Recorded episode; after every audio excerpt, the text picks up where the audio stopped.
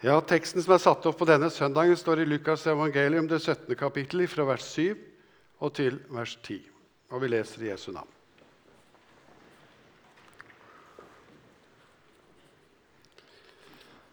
Dersom en av dere har en tjener som er ute og pløyer eller gjeter, vil han da si til tjeneren når han kommer hjem fra markene, Kom nå og sett deg til bords. Nei, han vil si, lag til kveldsmaten, bind opp kjortelen og stå til tjeneste for meg mens jeg spiser og drikker. Etterpå kan du selv få deg mat. Takker han vel tjeneren for han gjorde det han var pålagt? På samme måte med dere. Når dere har gjort alt som er pålagt dere, skal dere si:" Vi er unyttige tjenere og har bare gjort det vi var skyldige til å gjøre. Slik lyder Herrens ord.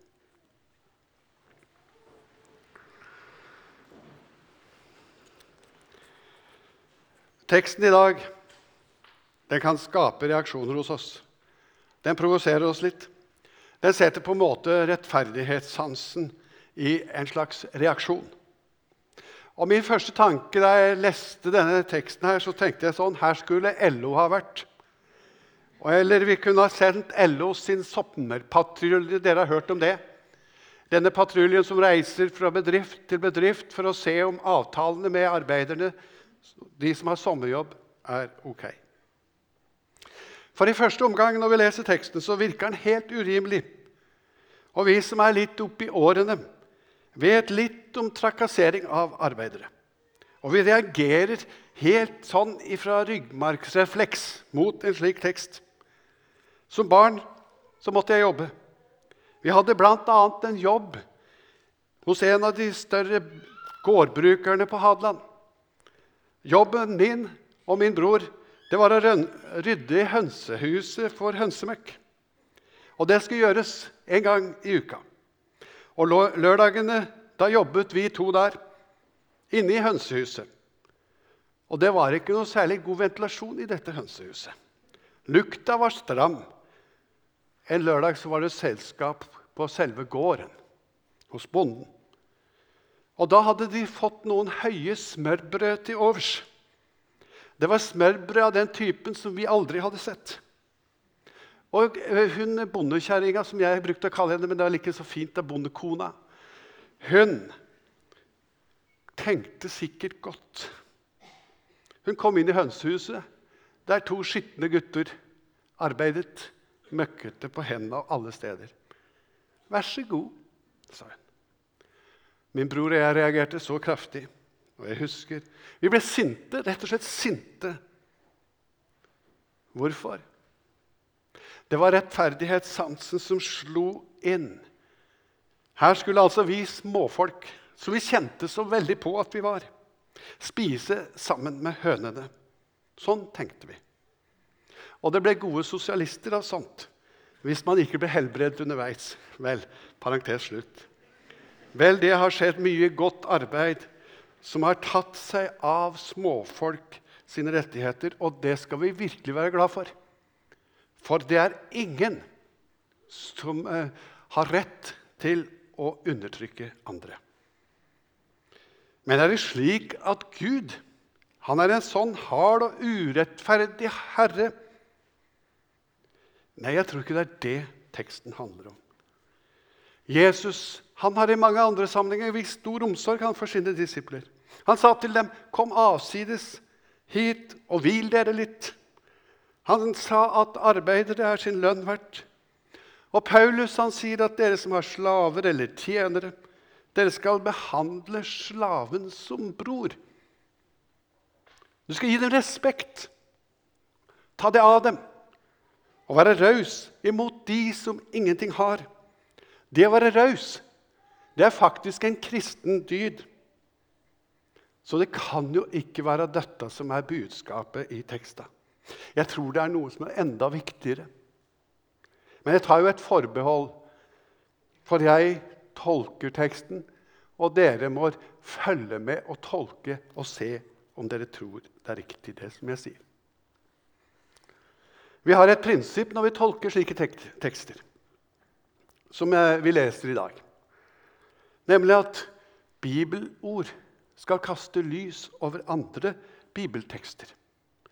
Og sidetekstene som er satt opp denne søndagen, den hjelper oss litt. Den ene teksten sier at 'jeg holder meg til Kefas', og 'jeg holder meg til Paulus'. Men teksten sier at det er, hvem er Kefas, og hvem er Paulus? Det er jo Gud. Det er kun Gud som gir vekst. Det er Gud som er i fokus. Og Vi skal ta oss tid til å lese Gamletestamentlig-teksten som er satt opp denne søndagen. Og Det står i 5. Mosebok. og Jeg tror vi får det på skjermen også. Kan du følge med litt? Og Herren din Gud fører deg inn i et godt land. Et land med rennende bekker, med kilder og vann fra dypet som strømmer fram i dal og fjell. Vokt deg så du ikke glemmer Herren din Gud og forsømmer å holde budene, lovene og forskriftene hans som jeg pålegger deg i dag. Når du spiser og blir mett, når du bygger fine hus og bosetter deg i dem, når ditt storfe og småfe øker i tall, når du får mengder av gull og sølv, og hele din eiendom vokser. Vokt deg så du ikke blir hovmodig og glemmer Herren din Gud han som førte deg ut av Egypt, ut av slavehuset. Han ledet deg gjennom den store, uhyggelige ørken med giftslanger og skorpioner. Et tørstende land uten vann. Han lot vannet strømme for deg fra harde fjellet. Han lot deg spise manna i ørkenen, en mat som dine fedre aldri har kjent til. Alt dette gjorde han for å ydmyke deg og prøve deg, og så gjøre vel mot deg til slutt. Du kan si i ditt hjerte, det er min egen kraft og min sterke hånd som har skaffet meg all denne rikdommen. Men husk Herren din Gud, for det er Han som gir deg kraft til å vinne rikdom. Slik vil Han stå ved pakten som Han inngikk med dine fedre. Slik han gjør også i dag. Vi kan også se hva slags sammenheng teksten står i. Den er satt inn i den sammenheng at like etterpå så kommer det, er det ti stykker som ble helbredet. Men det var bare én som kom tilbake og ga Gud æren. Hvor er da de ni? spør Jesus. Disse tekstene som vi nå har sett, og som vi har referert til, de gir oss på en måte en tolkningsnøkkel for denne teksten. Jeg tror det kan forstås slik. Troen, det er en gave. Det har vi egentlig alle vært enige om og tenker at troen er en gave. Jeg kan ikke prestere den av meg selv. Den er gitt oss av Gud. Men dypest sett så er det slik med tjenesten også. Nåde at jeg får lov til å være i tjeneste hos Gud. Er det slik at du som har vært i tjenesten hele ditt liv Du som har vært misjonær eller forkynner eller arbeidet i foreningsliv, som har virkelig stått på hver eneste dag. Du har ofret mye for å følge Guds kall. Er det slik at du har en ekstra fribillett til himmelen? Nei, sånn er det ikke. Det som er i denne teksten, tror jeg, det er at tjenesten er nåde. Frelsen er nåde. Ja, alt er nåde ifra Gud. Vi har, sjøl om du har vært tjener hele ditt liv. Ingen spesialrettigheter hos Gud.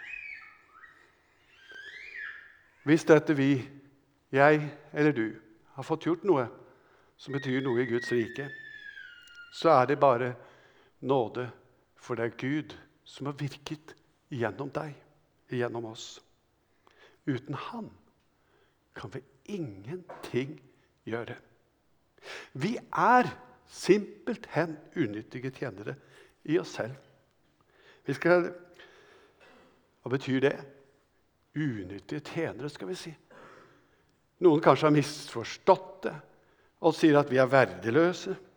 At det du har gjort, er uten betydning.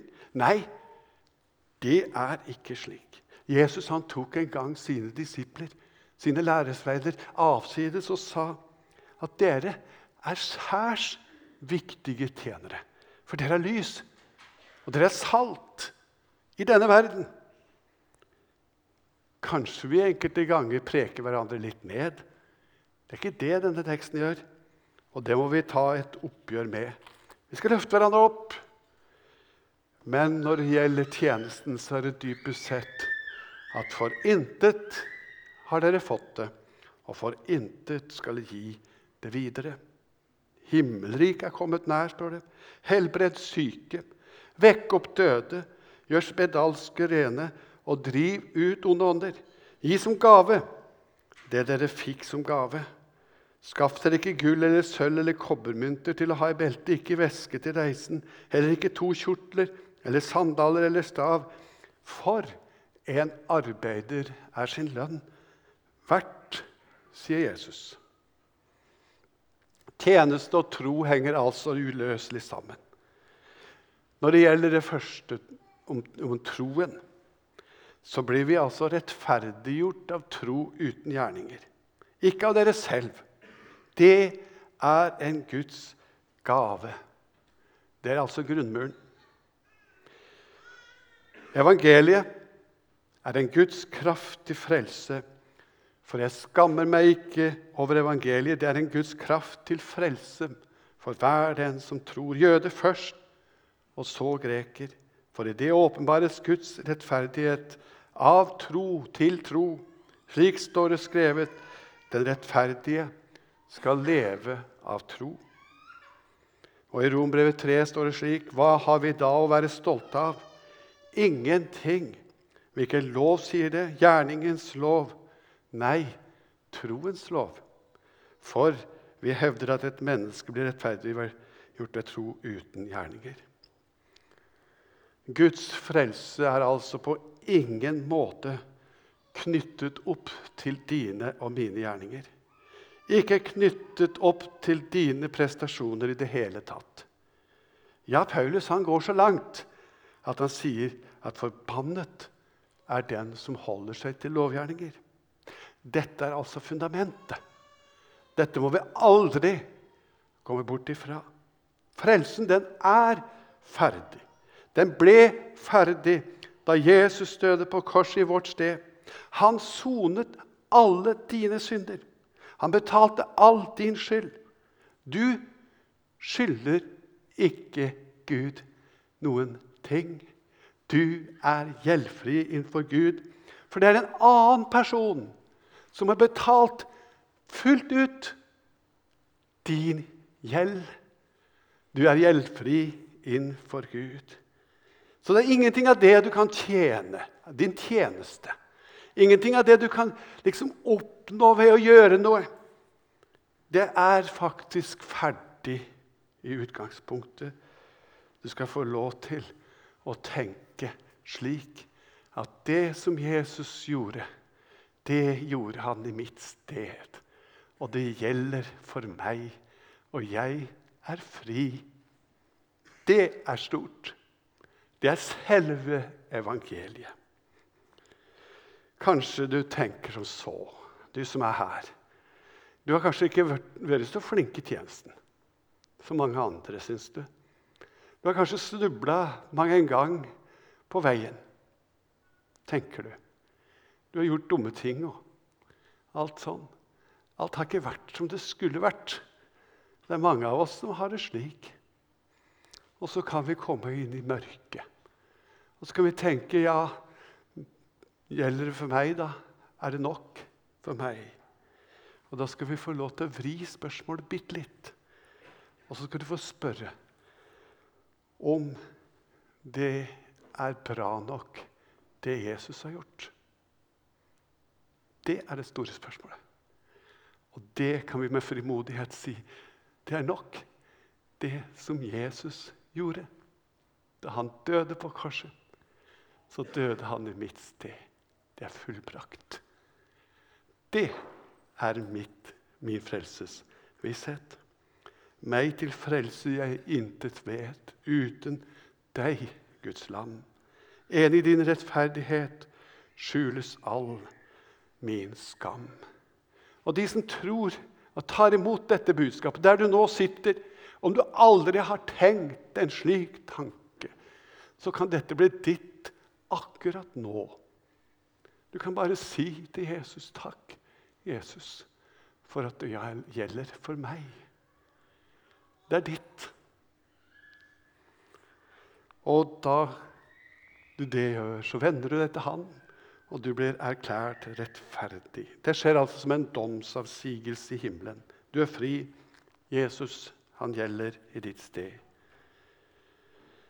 Han som ikke visste av synd, er det slik, har, jo, har Gud gjort til synd for oss, for at vi i ham skal få Guds rettferdighet. Men så tilbake til tjenesten. Samtidig som denne erklæringa skjer i himmelen, så skjer det noe i menneskehjertet også. Når du tar imot Gud, når du tar imot Jesus som din frelser, så får du Den hellige ånd i ditt hjerte. Og Den hellige ånd skaper et nytt liv. Dere var døde på grunn av deres gjerninger, men han gjorde dere levende sammen med Kristus da han tilgav oss alle våre synder, står det. Alle våre misgjerninger. Altså, Det er skapt noe nytt. Et nytt liv ved Den hellige ånd i ditt hjerte, du som tror på Ham. Det nye livet skal få leve og folde seg ut i tjeneste for vår Herre. Det er altså Hans skaperverk i deg som skal folde seg ut.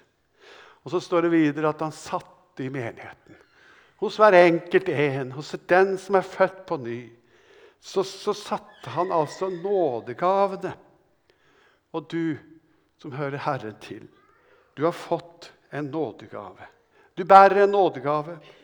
Men det er ikke du først og fremst som er eier av denne gaven. Det er menigheten. Det står at Herren satte i menigheten for at den skulle brukes der. Nådegaven skal brukes i menigheten. Og hvis du har fått en nådegave til å tjene, til å tale, til å være med i administrasjon, til å være med i virksomheten, ja, så eier du ikke den nådegaven sjøl, men du har fått den gaven til forvaltning. Og så skal du tjene Gud med denne gaven. Og så er det da ikke du som er eier av nådegaven, og heller ikke du som har æren av hva nådegaven kan få bringe av velsignelse.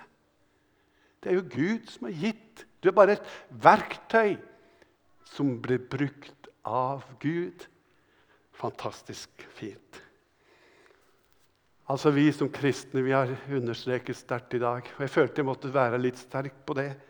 Vi er gjeldfrie overfor Gud. Det har vi sagt veldig mye, at skyldbrevet det er borte. Men en ting jeg vil si nå At vi står i gjeld overfor våre medmennesker. Vi står i gjeld overfor de som ikke har fått høre om at Jesus betalte deres skyld. Hva betyr nå dette egentlig? Det betyr at alle mennesker de har rett til å høre budskapet om at Jesus døde på korset. Om at hans død gjelder for dem. Og dette må spres utover jorden. Her finnes det ingen kulturgrense, ingen språkgrense. Ingen grense som er så stor at ikke evangeliet må over denne grensen. Vi står i gjeld til alle mennesker utover jord. Det er jo derfor vi driver misjon. Grev Sinsendorf sa det er det landet som trenger evangeliet mest, som blir mitt fedreland. Han måtte gå til sine søsken med budet om at du er fri, du er frelst, nåden er din. Vi er egentlig på denne jordkloden, alle søsken. Vi kommer fra alle samme far og mor. Vi er alle skapt i Guds vilde. Og så står vi i gjeld til våre søsken. På vestkysten av Irland var det et skip som strandet. Redningsskøyten gikk ut. Det var veldig hardt vær. Og da redningsskøyta kom tilbake til land, så ropte noen som var om bord i denne skøyta, og, til de som var om bord, 'Berget dere alle?' Ja, sa de, så nær som én. Og det ble stille der. Det er én igjen om bord på havaristen. Da kom det en ung, sterk mann fram og sa er det noen som vil gå i lag med meg ut igjen, så skal vi prøve en gang til. Og flere unge menn kom og sa, 'Ja, Carl, siden du våger, så blir vi med.'